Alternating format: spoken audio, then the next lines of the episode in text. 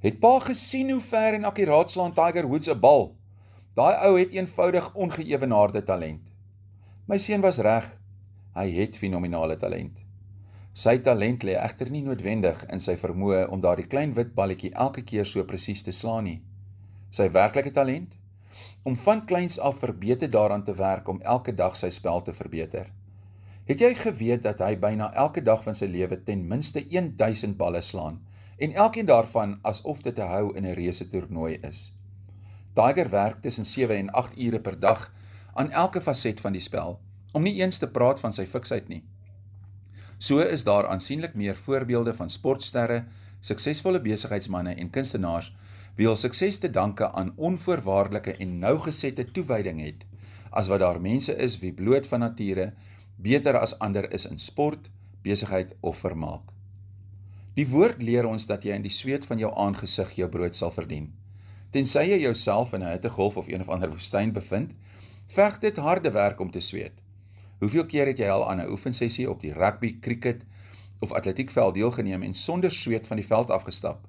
Ek weet jou dat jy daarna gevoel het asof jy nie hard genoeg gewerk het nie. Dieselfde geld vir kennis en besigheid. Sou jy enige besigheid aanpak sonder die nodige navorsing en deeglike bewustheid van jou teikenmark, verminder jy jou kanse tot sukses radikaal. Jy bekom nie vertroue in jou produk of diens deur ligtelike studie nie. Dit verg toewyding, opoffering en sweet. Dit is my mening dat brood in die konteks van die teksvers nie slegs verwys na kos op die tafel of geld in die sak nie.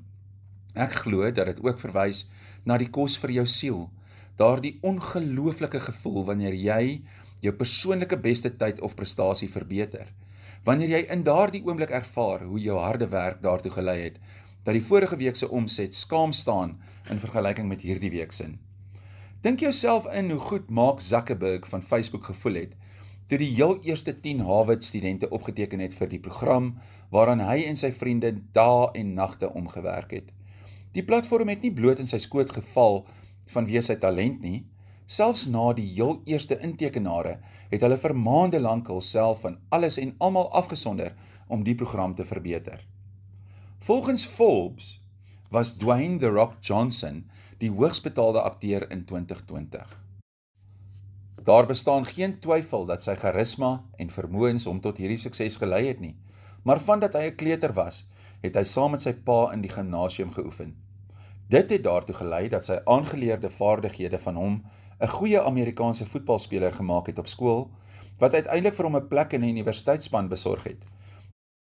Ten spyte van al hierdie harde werk en toewyding om hom daar te kry, kon hy nie speelkans in die NFL kry nie. Maar sy liggaamsbou en soepelheid, te danke aan harde werk en dissipline, besorg hom uiteindelik 'n rol in die WWE en daarna op die silwerdoek. Weet jy dat hierdie ou selfs vandag na 'n hele dag op die filmstel en urelange afsprake homself dwing om tyd in die gimnasium te spandeer. Al is dit in die middernagtelike ure wanneer ander wie droom om soos hy te wees, slaap. Indien daar een boek is waaraan ek enige seun of jong man opgewonde wil voorstel, is dit Spreuke.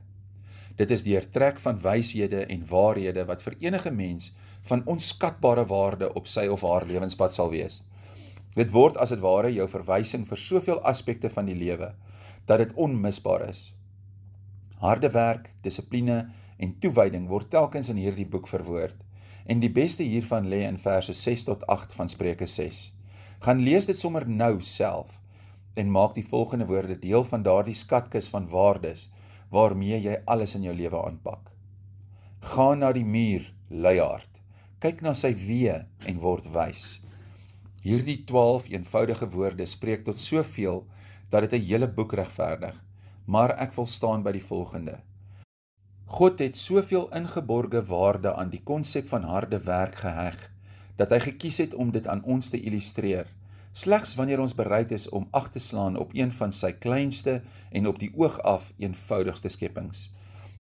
Ons staar onsself blind in die talente van die groter, meer indrukwekkende diere en kyk die mure mis.